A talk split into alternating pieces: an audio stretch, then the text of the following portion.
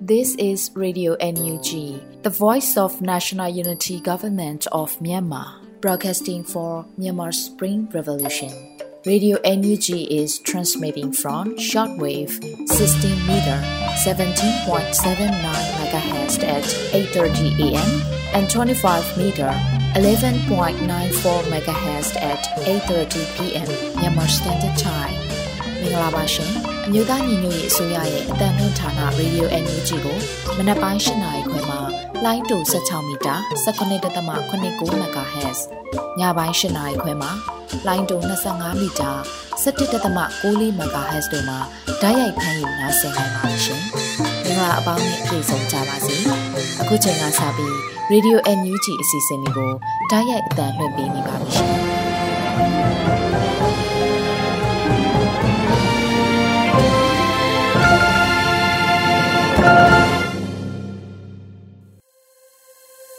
မြန်မာနိုင်ငံသူနိုင်ငံသားအပေါင်းတဘာဝပေးဆရာနာရှင်ပြည်တို့ကနေကင်းဝေးပြီးကိုစိတ်နှပါပေးကင်းလုံခြုံကြပါစေလို့ရေဒီယိုအန်ယူဂျီဖွယ်သားများကဆုတောင်းမြတ်တာပို့သလိုက်ရပါတယ်။အခုချိန်ကစပြီးကာကွယ်ရေးဝန်ကြီးဌာနရဲ့စီရေးသတင်းချင်းချုပ်ကိုတော့မျိုးဦးမောင်မှဖတ်ကြားတင်ပြပေးပါတော့မယ်ရှင်။ယခုဆက်လက်ပြီးတင်ဆက်ပေးမှာကတော့ကာကွယ်ရေးဝန်ကြီးဌာနအမျိုးသားညီညွတ်ရေးအစိုးရမှထုတ်ဝေသောနိုင်စဉ်စီရေးသတင်းအချင်းချုပ်ပဲဖြစ်ပါတယ်။ နိုင်စဉ်စီရေးသတင်းအချင်းချုပ်ကိုတင်ဆက်ပေးပါတော့မယ်။စစ်ကောင်စီတပ်သားကြဆုံစုံစမ်းစေစစ်ကောင်စီတပ်သားဒဏ်ရာရတူစစ်ကောင်စီနဲ့တိုက်ပွဲဖြစ်ပွားမှုသတင်းများကိုတင်ဆက်ပေးပါမယ်။ချင်းပြည်နယ်တွင်ဩဂတ်စ်လ23ရက်နေ့ဟာဟာခါမြို့နယ်ဟာခါထန်တလန်ကြားစစ်ကောင်စီတပ်နဲ့ CDF ပူးပေါင်းတပ်တို့တိုက်ပွဲဖြစ်ပွားခဲ့ရာတိုက်ပွဲဖြစ်ပွားပြီးနောက်ထွက်ပြေးသွားသောစစ်ကောင်စီတပ်သားများ၏ကြီးစံများ RPG ဘုံဒီတလုံးနဲ့အခြားသုံးဆောင်ပစ္စည်းများကိုတင်စီရမိခဲ့ကြောင်းသိရှိရသည်။ဩဂတ်စ်လ23ရက်နေ့ကဟာခါမြို့နယ်ဟာခါမြို့ဒါရီရက်ကွက်6လမ်းဆောင်ဂိတ်တွင်တက်ဆွဲထားသည့်စစ်ကောင်စီတပ်သားများကို CDF ဟာခါမှတွားရောက်တိုက်ခိုက်ခဲ့ရာအပြန်အလှန်ပစ်ခတ်မှုဖြစ်ပွားနေပြီးလူနေအိမ်တချို့ထိခိုက်ပျက်စီးသွားခဲ့ကြောင်းသိရသည်။မန္တလေးတိုင်းတွင်ဩဂတ်စ်လ23ရက်နေ့မနက်10:30ခန်းက တပိတ်ကျင်းမြို့နယ်ကြက်ရိုးပင်ကျေးရွာတွင်စက်ကောင်စီများအားထောက်ပံ့ပေးနေသည့် Golden Hill Bar and KTV ကဘုံလင်းယုံတပ်ဖွဲ့မှပြစ်ခတ်တိုက်ခိုက်ခဲ့သည်။တိုက်ခိုက်ခဲ့ပြီး25မိနစ်အကြာတွင်ဇေယျကွင်းကျေးရွာဘက်မှစစ်ဆေးရန်ထွက်လာသည့်စက်ကောင်စီကားနှစ်စီးအားစင်မွေးကျေးရွာနှင့်လိတ်ကြကျေးရွာအကြားတွင်ထပ်မံ၍မိုင်းဆွဲတိုက်ခိုက်ခဲ့ကြောင်းသိရသည်။စကိုင်းတိုင်းတွင်ဩဂတ်စ်လ14ရက်နေ့နေ့လယ်12နာရီခန့်နှင့်နေ့လယ်10နာရီ30ခန်းက ရေဦးမြို့နယ်ဇေယျဝတီကျေးရွာအဝင်တွင်စက်ကောင်စီတပ်သားများနှင့်ကာကွယ်ရေးတပ်ဖွဲ့များကြားနှစ်ကြိမ်ထိတွေ့တိုက်ပွဲဖြစ်ပွားခဲ့ရာလက်နက်ကြီးထိမှန်မှုကြောင့်ပြည်သူ့ကာကွယ်ရေးရဲဘော်တို့ကြာဆုံးခဲ့ပြီးနှစ်ဦးထိခိုက်ဒဏ်ရာရရှိခဲ့သည်။ဩဂတ်စ်လ13ရက်နေ့ကဗန်းမောက်မြို့နယ်ဗန်းမောက်မြို့တောင်ဘက်တမိုင်ခန့်အကွာတွင်စစ်ကောင်စီတပ်သားများနဲ့ဒေါ်လာရေးအင်အားစုများထိတွေ့တိုက်ပွဲဖြစ်ပွားခဲ့ရာစစ်ကောင်စီတပ်သားများမြို့ရင်းတို့ပြန်ဆုတ်ခွာခဲ့ပြီးအထက်မြင့်နေရာများ၌နေရာယူထား၍ ထောက်ပို့လုပ်သည်ဟုယူဆသည့်နေအိမ်များသို့ဝင်ရောက်ခဲ့ပြီးပြည်သူများကိုဖမ်းဆီးနေခဲ့သည်။မကွေးတိုင်းတွင်ဩဂတ်စ်လ23ရက်နေ့ကရေစကြိုမြို့နယ်ရေလဲကျွန်းဒေသရှိစစ်ကောင်စီနှင့်ပြူစောတိပူးပေါင်းတပ်များ18ရက်တပ်ဆွဲထားသောမင်းရွာစစ်ကောင်စီဂိတ်စခန်းအားဒေသကာကွယ်ရေးတပ်ဖွဲ့များဖြစ်သော MG6 ပျောက်ကြားတပ်မြင်းချံ YLK New Power PDF ဂျေးရွာကာကွယ်ရေးအဖွဲ့အချို့ပူးပေါင်း၍တိုက်ခိုက်ခဲ့ရာပြူစောတိတအူထိခိုက်ဒဏ်ရာရရှိခဲ့သည် ဆက်လက်ပြီးစက်ကောင်စီကျူးလွန်သောရာဇဝတ်မှုများကိုတင်ဆက်ပေးပါမယ်။စကိုင်းတိုင်းတွင်ဩဂတ်စ်လ23ရက်နေ့ကတပင်းမြို့နယ်လက်လုံမြောက်ကျေးရွာသို့စစ်ကောင်စီတပ်သားများဝင်ရောက်ခဲ့ပြီးနေအိမ်၅လုံးကိုမိရှို့ဖျက်ဆီးခဲ့သည်။မန္တလေးတိုင်းတွင်ဩဂတ်စ်လ23ရက်နေ့ညနေ9:00နာရီကျော်ခန့်ကချမ်းမြသာစီမြို့နယ်အောင်ပင်လယ်ရက်ကွက်53လမ်း111စီလမ်းတောင်းရှိနန်းတော်ဝင်တဲခုံကန်အားစစ်ကောင်စီများမှဝင်စီးနှင်းခဲ့ပြီးလူငယ်၄ဦးကိုဖမ်းဆီးခဲ့သည် ရန်ကုန်တိုင်းတွင်ဩဂတ်စ်လ23ရက်နေ့ကတင်ငန်းကျွန်းမြို့နယ်ကြီးပွားရေးရက်ကွက်မှကိုမန်းဝင်းနဲ့ကိုကျော်ကျော်တို့ကိုစစ်ကောင်စီအဖွဲ့ဝင်များမှကားများနဲ့အတူဖမ်းဆီးခဲ့ပြီးတိုင်းဆရာတအုပ်ကိုလည်းလိုက်လံဖမ်းဆီးနေကြောင်းသိရှိရသည်ယခုတင်ဆက်ပေးခဲ့တာကတော့ကာကွယ်ရေးဝန်ကြီးဌာနအမျိုးသားညီညွတ်ရေးအစိုးရမှထုတ်ဝေသောနိုင်စဉ်စီရေးသတင်းအချင်းချုပ်ပဲဖြစ်ပါတယ်ကျွန်တော်ကတော့ຫນွေဦးမှာပါခင်ဗျာ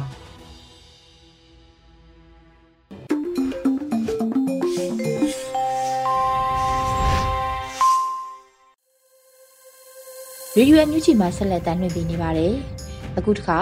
နောက်ဆုံးရသတင်းများကိုမျိုးဦးမိုင်မှဖတ်ကြားတင်ပြပေးပါမယ်ရှင်။မင်္ဂလာနေ့ခင်ပါရှင်။အခုချိန်ကစပြီးရေဒီယို UNG ရဲ့မနက်ခင်းသတင်းများကိုဖတ်ကြားပေးပါတော့မယ်ကျမအနှွေဦးမိုင်းပါပထမဆုံးຫນွေဦးတော်လိုင်းမှာကြုံရတဲ့သင်ခန်းစာတွေဟာတန်ဖိုးမြင့်မာတယ်လို့ပြည်ထောင်စုဝန်ကြီးဒေါက်တာတူးခေါင်ပြောကြားလိုက်တဲ့သတင်းကိုတင်ပြပေးပါမယ်။ နှွေဦးတော်လိုင်းမှာကြုံရတဲ့သင်ခန်းစာတွေဟာတန်ဖိုးမြင့်မာတယ်လို့ပြည်ထောင်စုဝန်ကြီးဒေါက်တာတူးခေါင်ကဩဂတ်စ်လ14ရက်မှာ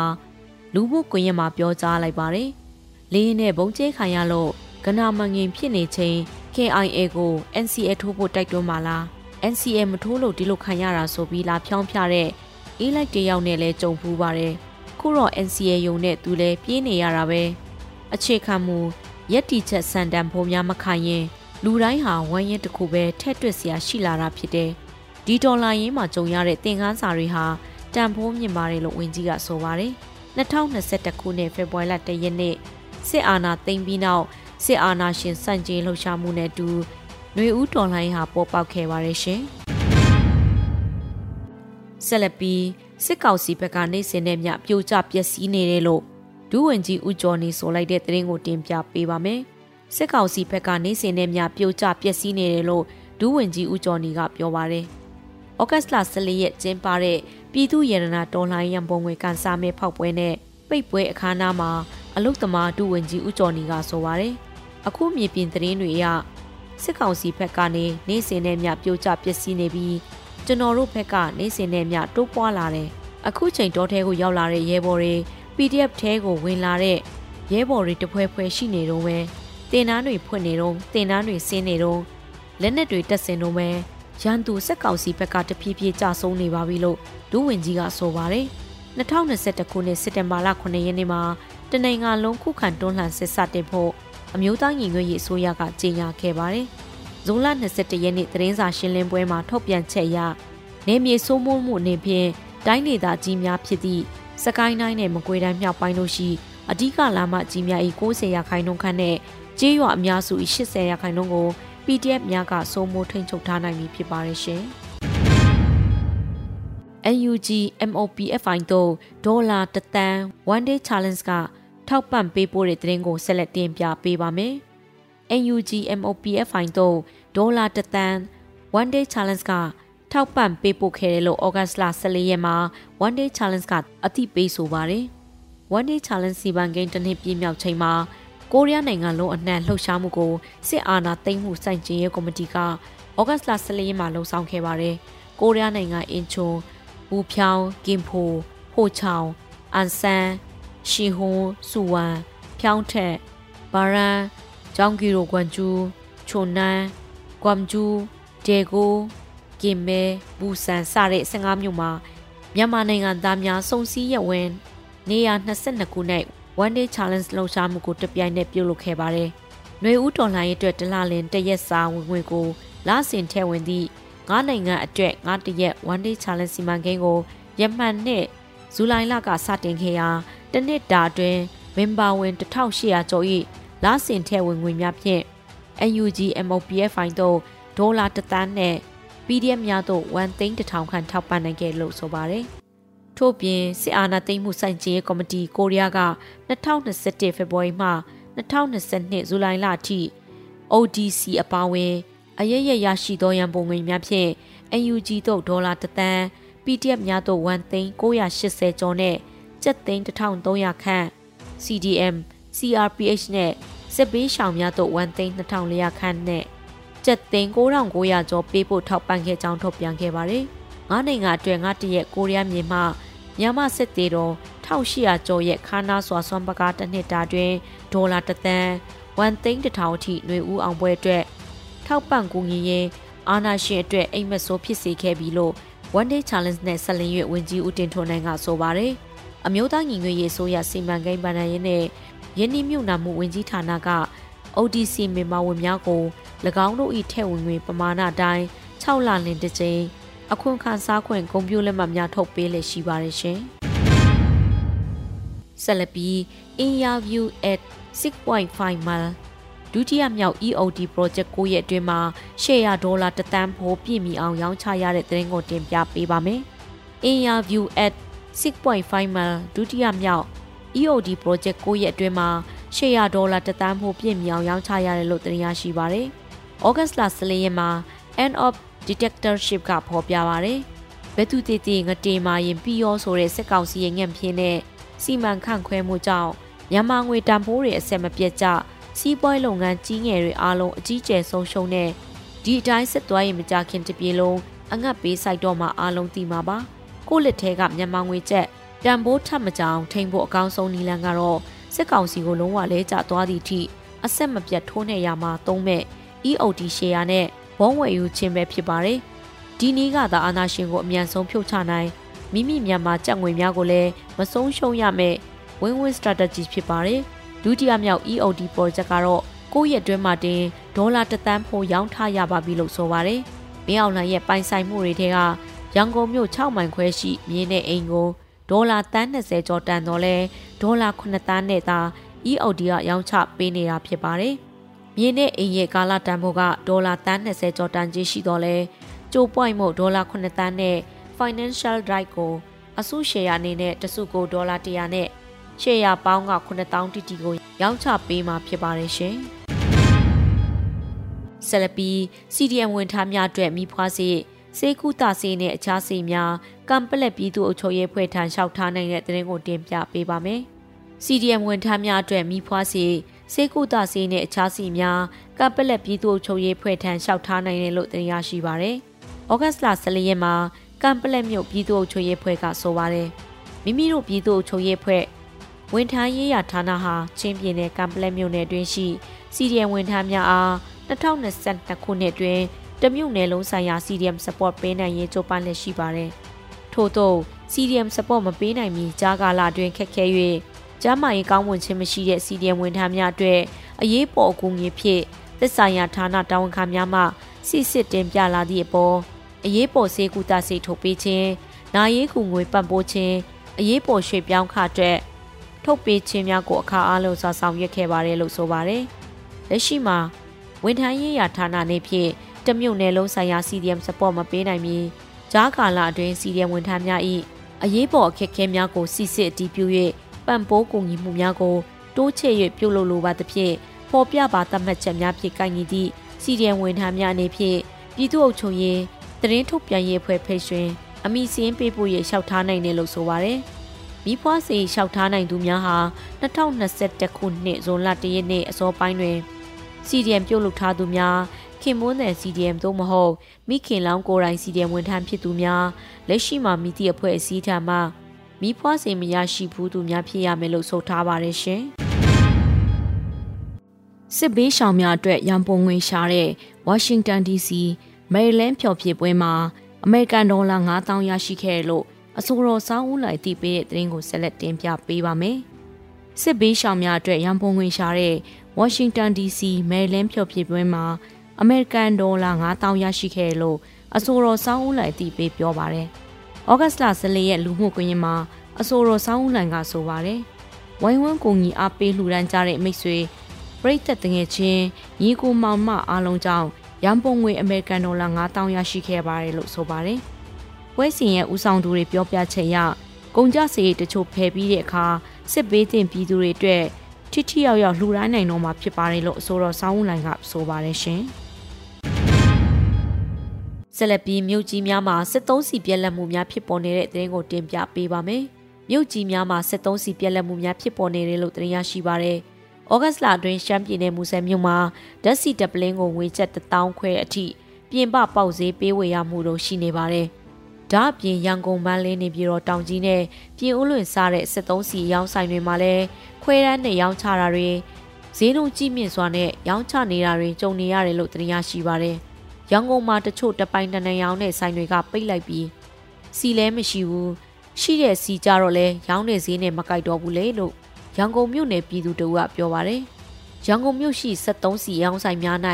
အောက်တိန်92တလီတာလျှင်2320ကျပ်အောက်တိန်95တလီတာလျှင်2390ကျပ်ဒီဇယ်တလီတာလျှင်2655ကျပ်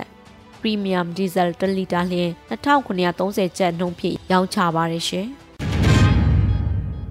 ပြည်သူ့ကာကွယ်တပ်ဒီမော့ဆို DMO Local PDF တက်ရင်ဤတတက်ခွဲတက်မှလွဲလဲရှိသောကင်းထောက်ဒရုန်းတစင်းထောက်ပို့ရရှိတဲ့တဲ့ရင်ကိုဆက်လက်တင်ပြပေးပါမယ်ရှင်။ပြည်သူ့ကာကွယ်ရေးတပ်ဒီမော့ဆို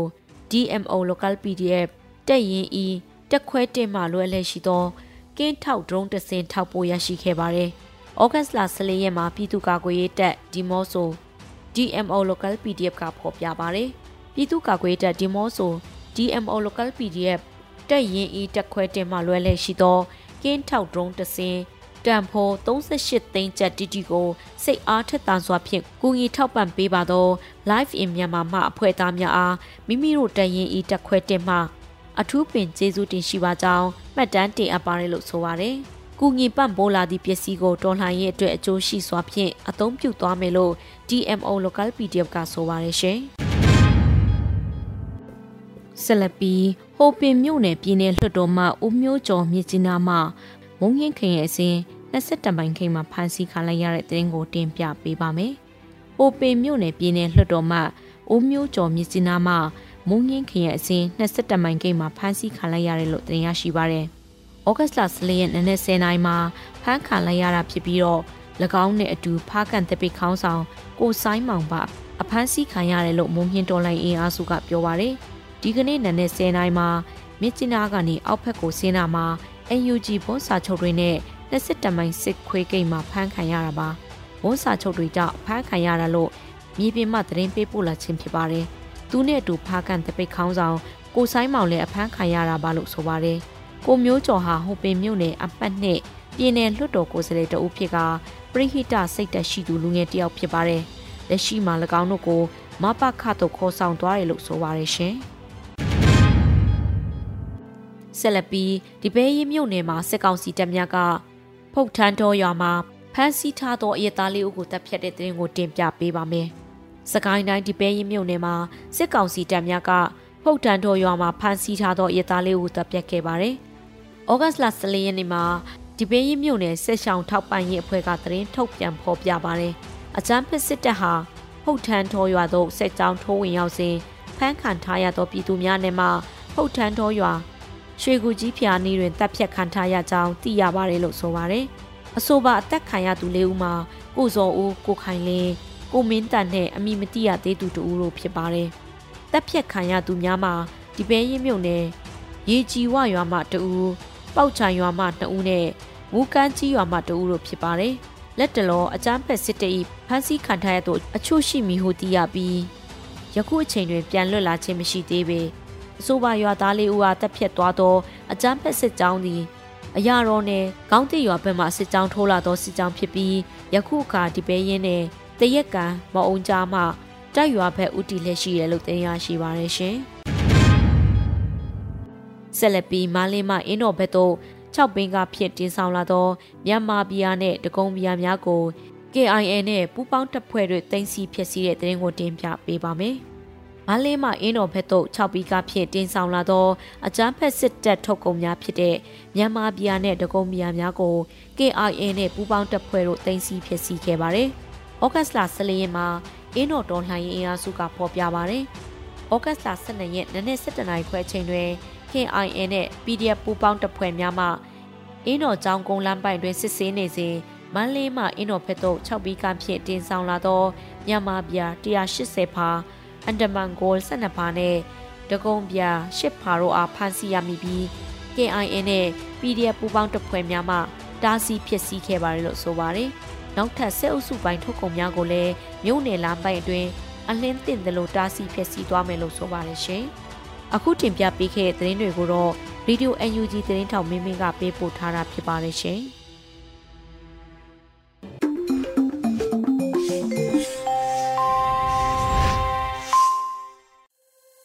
ရေဒီယိုညူချီပရိသတ်တွေအတွက်ကူးဆက်လက်ပြီးထုတ်လွှင့်ပေးမယ့်အစီအစဉ်ကတော့မြမနွေဦးခရိုနီကယ်အောက်ဂုတ်လ23ရက်မြင်ကွင်းဒေါ်လာစီရွှေစည်းနဲ့လောင်စာစီစည်းရဲ့ကြရဲလိုအမည်ရတဲ့မုံမခဆောင်းပါးကိုနွေဦးမုံမှဖက်ကြားတင်ပြပေးပါမယ်ရှင်မြမနွေဦးခရိုနီကယ်အောက်ဂုတ်23ရက်မြင်ကွင်းဒေါ်လာစီရွှေစည်းနဲ့လောင်စာစီစည်းရဲ့ကြရက်ဆိုတဲ့မုံမခမြင်ကွင်းဆောင်းပါးလေးဖြစ်ပါတယ်ရှင်။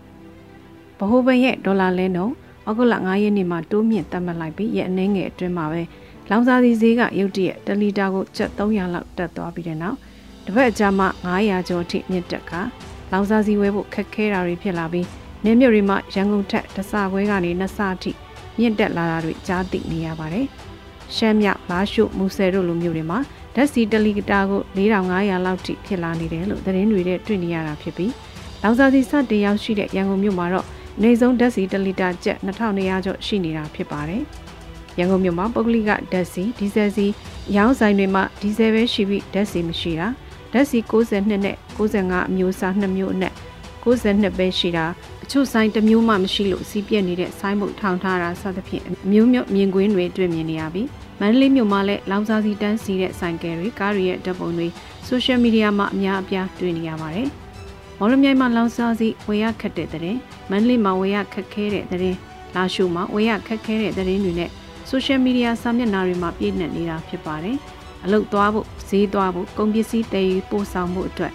ဈေးလည်းရုတ်တရက်ပြန်မြင့်တက်သွားတဲ့အပြင်ဝယ်ရခက်နေတဲ့လောင်စာစီရရှိဖို့ရရုပ်ရုပ်တဲတဲဖြစ်နေကြတာဖြစ်ပါတယ်။ဒီချိန်မှာပဲမြန်မာကျပ်ငွေတန်ဖိုးကိုဖော်ပြတဲ့ငွေလဲနှုန်းနဲ့ရွှေဈေးကနေတွင်းချင်းနိုင်အလိုက်မြင့်တက်နေတာဖြစ်ပါတယ်။ဒေါ်လာလဲနှုန်းကနိုင်ပိုင်းလိုက်မြင့်တက်လာတာ ဒေါ်လာကျပ်3000လောက်အထိရောက်ရှိခဲ့ပြီးရွှေဈေးကကျပ်28သိန်းကျော်အထိမြင့်တက်ခဲ့တာဖြစ်ပါတယ်။ဒေါ်လာနဲ့ရွှေကလူတိုင်းဝယ်ယူစရာမလိုတာမို့ကိုနဲ့ဓာတ်ရိုက်မဆိုင်ဘူးလို့ဆိုကောင်းဆိုပေမဲ့ဒီလဲနှုန်းတွေကနိုင်ပိုင်းတွင်းမဟုတ်ပေမဲ့ရဲ့အတန်းကြားတဲ့အခါခြားသောသွင်းကုန်ပစ္စည်းတွေရဲ့ဈေးနှုန်းတွေကိုပြောင်းလဲစီမှာဖြစ်ပါတယ်။ဒီလိုမြန်မာငွေတန်ဖိုးတည်တာစွာကျဆင်းနေတာဘယ်တော့ရက်တန်သွားမလဲ။ဘာကြောင့်ဖြစ်လာတာလဲ။ဘယ်သူတွေအများဆုံးထိခိုက်မလဲ။ အကြောင်းရင်းကိုဘယ်လိုဖြေရှင်းနိုင်မလဲသို့မဟုတ်စီးပွားရေးအကျပ်တဲကိုနိုင်ငံရေးအမြတ်ဖြစ်သုံးချနိုင်မလားဆိုတဲ့မေးခွန်းတွေအများကြီးရှိနေတာဖြစ်ပါတယ်။နံပါတ်1မေးခွန်းခုလုံးငွေတန်ဖိုးကျမှုဘယ်တော့ရက်တန်သွားမလဲဆိုတာဘယ်သူမှမဖြေနိုင်တဲ့မေးခွန်းဖြစ်နေစေလို့ထင်ပါတယ်။အကြောင်းရင်းကဘာလဲဆိုတာကိုသိရှိပြီးအကြောင်းရင်းကိုဖြေရှင်းတာဘလို့ကင်တွယ်တယ်လဲစတဲ့မှန်ကန်တဲ့လှုပ်ဆောင်မှုရှိမှသာလျှင်တမိုးကြဆင်းတာရတန်သွားမှာဖြစ်ပါတယ်။ သို့ပေမဲ့အထက်ကအချက်တွေကဆီယနာသိန်းကောင်းစီလက်ဝဲမှာဖြစ်နိုင်ခြေအလွန်နှဲပါနေတာဖြစ်ပါတယ်။နိုင်ငံကိုအစိုးရဖြစ်မောင်းနေနေတဲ့စစ်ကောင်စီကိုယုံကြည်မှုကြဆင်းခြင်းတွေကစီးပွားရေးပြဿနာကြုံခြင်းရဲ့အဓိကကျတဲ့နိုင်ငံရေးအကြောင်းရင်းတည်းဖြစ်နေတာလည်းဖြစ်ပါတယ်။ဧပြီလဆန်းကထုတ်ပြန်လိုက်တဲ့နိုင်ငံခြားငွေတွေကိုမြန်မာကျပ်ငွေနဲ့လဲလှယ်ခိုင်းတဲ့ဘိုးဘန်ရဲ့ထုတ်ပြန်ချက်ကအခုလိုဖြစ်ပျက်တွေဖြစ်လာဖို့စတင်လိုက်တဲ့လှုပ်ဆောင်ချက်ဖြစ်ပါတယ်။သို့မဟုတ်တခြားတွေးဆမှုတစ်ခုနဲ့တွေ့ရင် စစ်ကောင်စီလက်ထက်မှာနိုင်ငံခြားငွေအခက်အခဲအကျပ်တဲစိုက်နေလို့ဘိုးဘန်ရဲ့ထုတ်ပြန်ချက်ကိုထုတ်တယ်ဆိုခဲ့ရင်လည်းပြဿနာကြောင့်ဒီဘိုးဘန်အမိန့်ကိုထုတ်တယ်လို့ကောက်ချက်ချရမှာဖြစ်ပါတယ်။အဲ့လိုမဟုတ်ပဲသီရိလင်္ကာနိုင်ငံလို့ကံကြမ္မာမျိုးကြုံရနိုင်ခြေရှိလို့ကြိုတင်ကာကွယ်မှုအနေနဲ့ထုတ်တယ်ဆိုရင်တော့မိန့်ထုတ်တာကြောင့်ပြဿနာကိုဖန်တီးလိုက်တယ်လို့ဖြစ်ပြီးပြဿနာကြုံရနိုင်ခြေကိုပိုပြီးမြင့်လိုက်တယ်လို့ဖြစ်သွားတယ်လို့ဆိုရမှာဖြစ်ပါတယ်။ပို့ကုန်နဲ့သွင်းကုန်တွေကြောင့်ဒေါ်လာရောင်းဝယ်မှုကိုအာဏာသိမ်းစစ်ကောင်စီအစိုးရကဝင်ရောက်ထိန်းချုပ်မှုကြောင့် မှောင်ခိုစည်းကွက်ဖြစ်လာတာသွင်းကုန်သမားတွေဒါမကပို့ကုန်သမားတွေအတွက်ပါအခက်အခဲတွေရှုပ်ထွေးမှုတွေကြံ့ကြာမှုတွေဖြစ်ပေါ်လာစေပြီးမြမကျက်ငွေပေါ်စိုးရိမ်မှုတွေပါထပ်မံပေါ်ပေါက်လာပြီးအကောင့်ထဲရောက်တဲ့နိုင်ငံခြားငွေမဟုတ်ပဲပြင်ပစည်းကွက်မှာနိုင်ငံခြားငွေကိုအလူရက်ဝယ်ယူလာကြတာတွေဖြစ်လာတာဖြစ်ကောင်းဖြစ်ပါလိမ့်မယ်။သို့မဟုတ်စစ်ကောင်စီရဲ့နိုင်ငံခြားငွေလိုအပ်ချက်ပမာဏကြီးမားလာတာကိုဖြည့်ဖို့ဈေးကွက်ထဲကနိုင်ငံခြားငွေနဲ့ပို့ကုန်ကရတဲ့နိုင်ငံခြားငွေကိုအခွင့်အရေးယူ ဝင်ရောက်ဝယ်ယူတာကြောင့်လည်းမထင်မှတ်တဲ့ဈေးနှုန်းတွေမြင့်တက်လာတာဖြစ်နိုင်ပါတယ်။အကြောင်းရင်းကဘာဆိုတာသတင်းအချက်လက်တွေသိနိုင်တဲ့အခွင့်အရေးရှိသူတွေကသာအကဲဖြတ်နိုင်မှာဖြစ်ပြီးပြည်ပကသူတွေဖို့တော့ဒီအကျိုးဆက်တွေကိုထိခိုက်နိုင်စေရောနဲ့အောင်စီမံခန့်ခွဲတာတွေချို့ကတော့ဈေးကစားတာတွေပဲတက်နိုင်ကြမဲ့သဘောဖြစ်ပါတယ်။ဝေဈေးပြောင်းလဲမှုလောင်စာစီစေးကြီးမြင့်မှုတွေကတည်ယူပို့ဆောင်ရေးစီးပွားရေးလုပ်ငန်းဆောင်တာကုန်ထုတ်လုပ်မှုတွေကိုထိခိုက်ခါ အလုပ်ကိုင်းခွင်လန်းတွေကိုရောနေစေပြီးလူနေမှုစရိတ်တွေမြင့်တက်စေမှဖြစ်ပါတယ်။ဒီလိုစီးပွားရေးအကျက်တွေကြုံတွေ့နေချိန်မှာနေမြေဒေသတွေမအေးချမ်းမှုကြောင့်စိုက်ပျိုးရေးတွေမလုပ်ကိုင်းနိုင်ကြတာ။သွင်းအားစုမြေစီတိုက်ပိုးစရိတ်မြင့်တက်မှုတွေကြောင့်စိုက်ပျိုးရေးထွက်ကုန်ကြဆင်းတာတွေကအစိုးတန်တရားကြော့သလိုအပြန်အလှန်ထပ်မံထိခိုက်မှုတွေဖြစ်စေအောင်မှာဖြစ်ပါတယ်။တကပြောသလိုစီးပွားရေးကျက်တက်မှုတွေကိုနိုင်ငံရေးအခွင့်အလမ်းအဖြစ်အသုံးချပြီးဆီယနာသိန်းကောင်စီကိုပြုတ်ကြအောင်လှုံ့ဆော်နိုင်မလားဆိုတဲ့မိကွန်းလည်းရှိနေတာဖြစ်ပါတယ်။ ဒီလိုခွင်လန်းကတရားဥပဒေစိုးမိုးမှုကိုပါပျက်စီးစေပြီးပြဿနာပေါင်းစုံကအကြက်အတက်ဝဲကြရတဲ့ပုံမနဲ့ရှိုင်းစွာကြာဆင်းပြီးပြန်လည်ထူးမှတ်ဖို့ခက်ခဲသွားနိုင်တဲ့အလားအလာကိုလည်းထည့်သွင်းစဉ်းစားစရာရှိနေတာဖြစ်ပါတယ်ရှင်။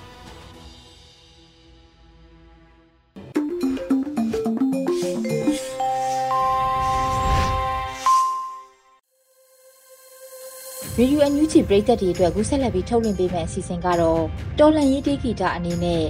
2021ခုနှစ်ဆီယနာရှင်စန့်ကျင်ရေးကြွေးကြော်သချင်းဖြစ်တဲ့အလိုမရှိလို့အမည်ရတဲ့တော်လန်ရေးတေးဂီတကိုနားဆင်ကြရတော့မှာဖြစ်ပါ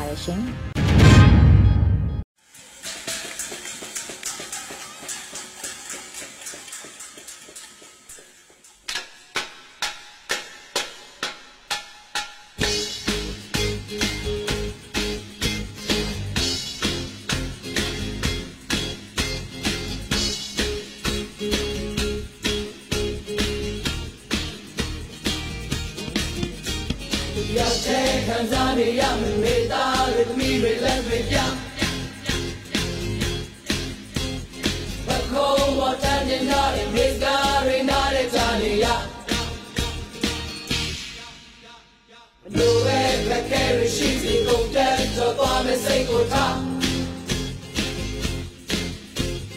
ရောက်ချင်းကိုဝိုင်းလို့ကြရင်ပိတ်ထား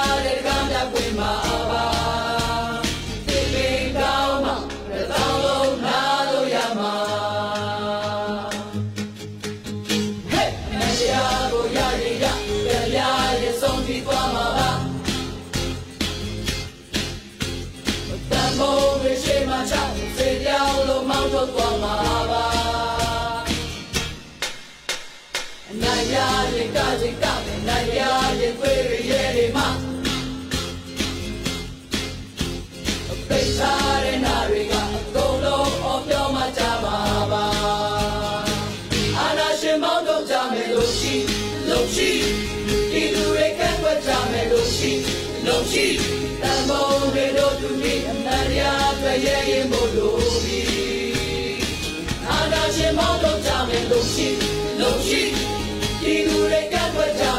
မယ်လို့ရှိလို့ရှိတန်ဖိုးတွေတို့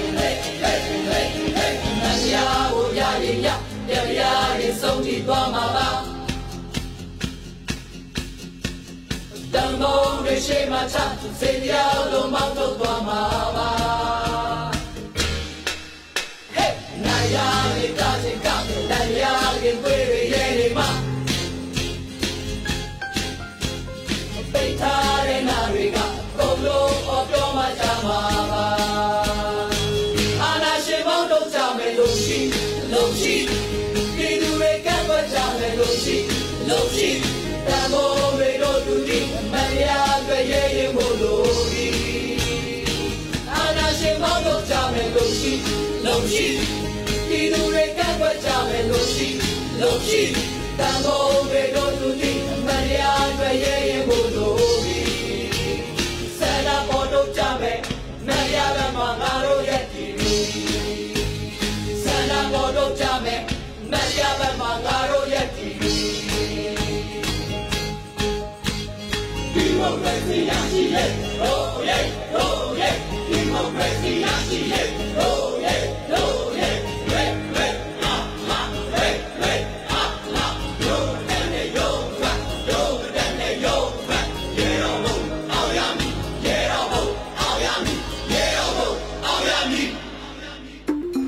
ကနေ့ကတော့ဒီညနဲ့ပဲ Radio NUG ရဲ့အစီအစဉ်လေးကိုခਿੱတရနာလိုက်ပါမယ်ရှင်။မြန်မာစံတော်ချိန်မနက်၈နာရီခွဲနဲ့ည၈နာရီခွဲအချိန်တွေမှာပြန်လည်ဆုံတွေ့ကြပါစို့။ Radio NUG ကိုမနက်ပိုင်း၈နာရီခွဲမှာလိုင်းတူ16မီတာ19.89 MHz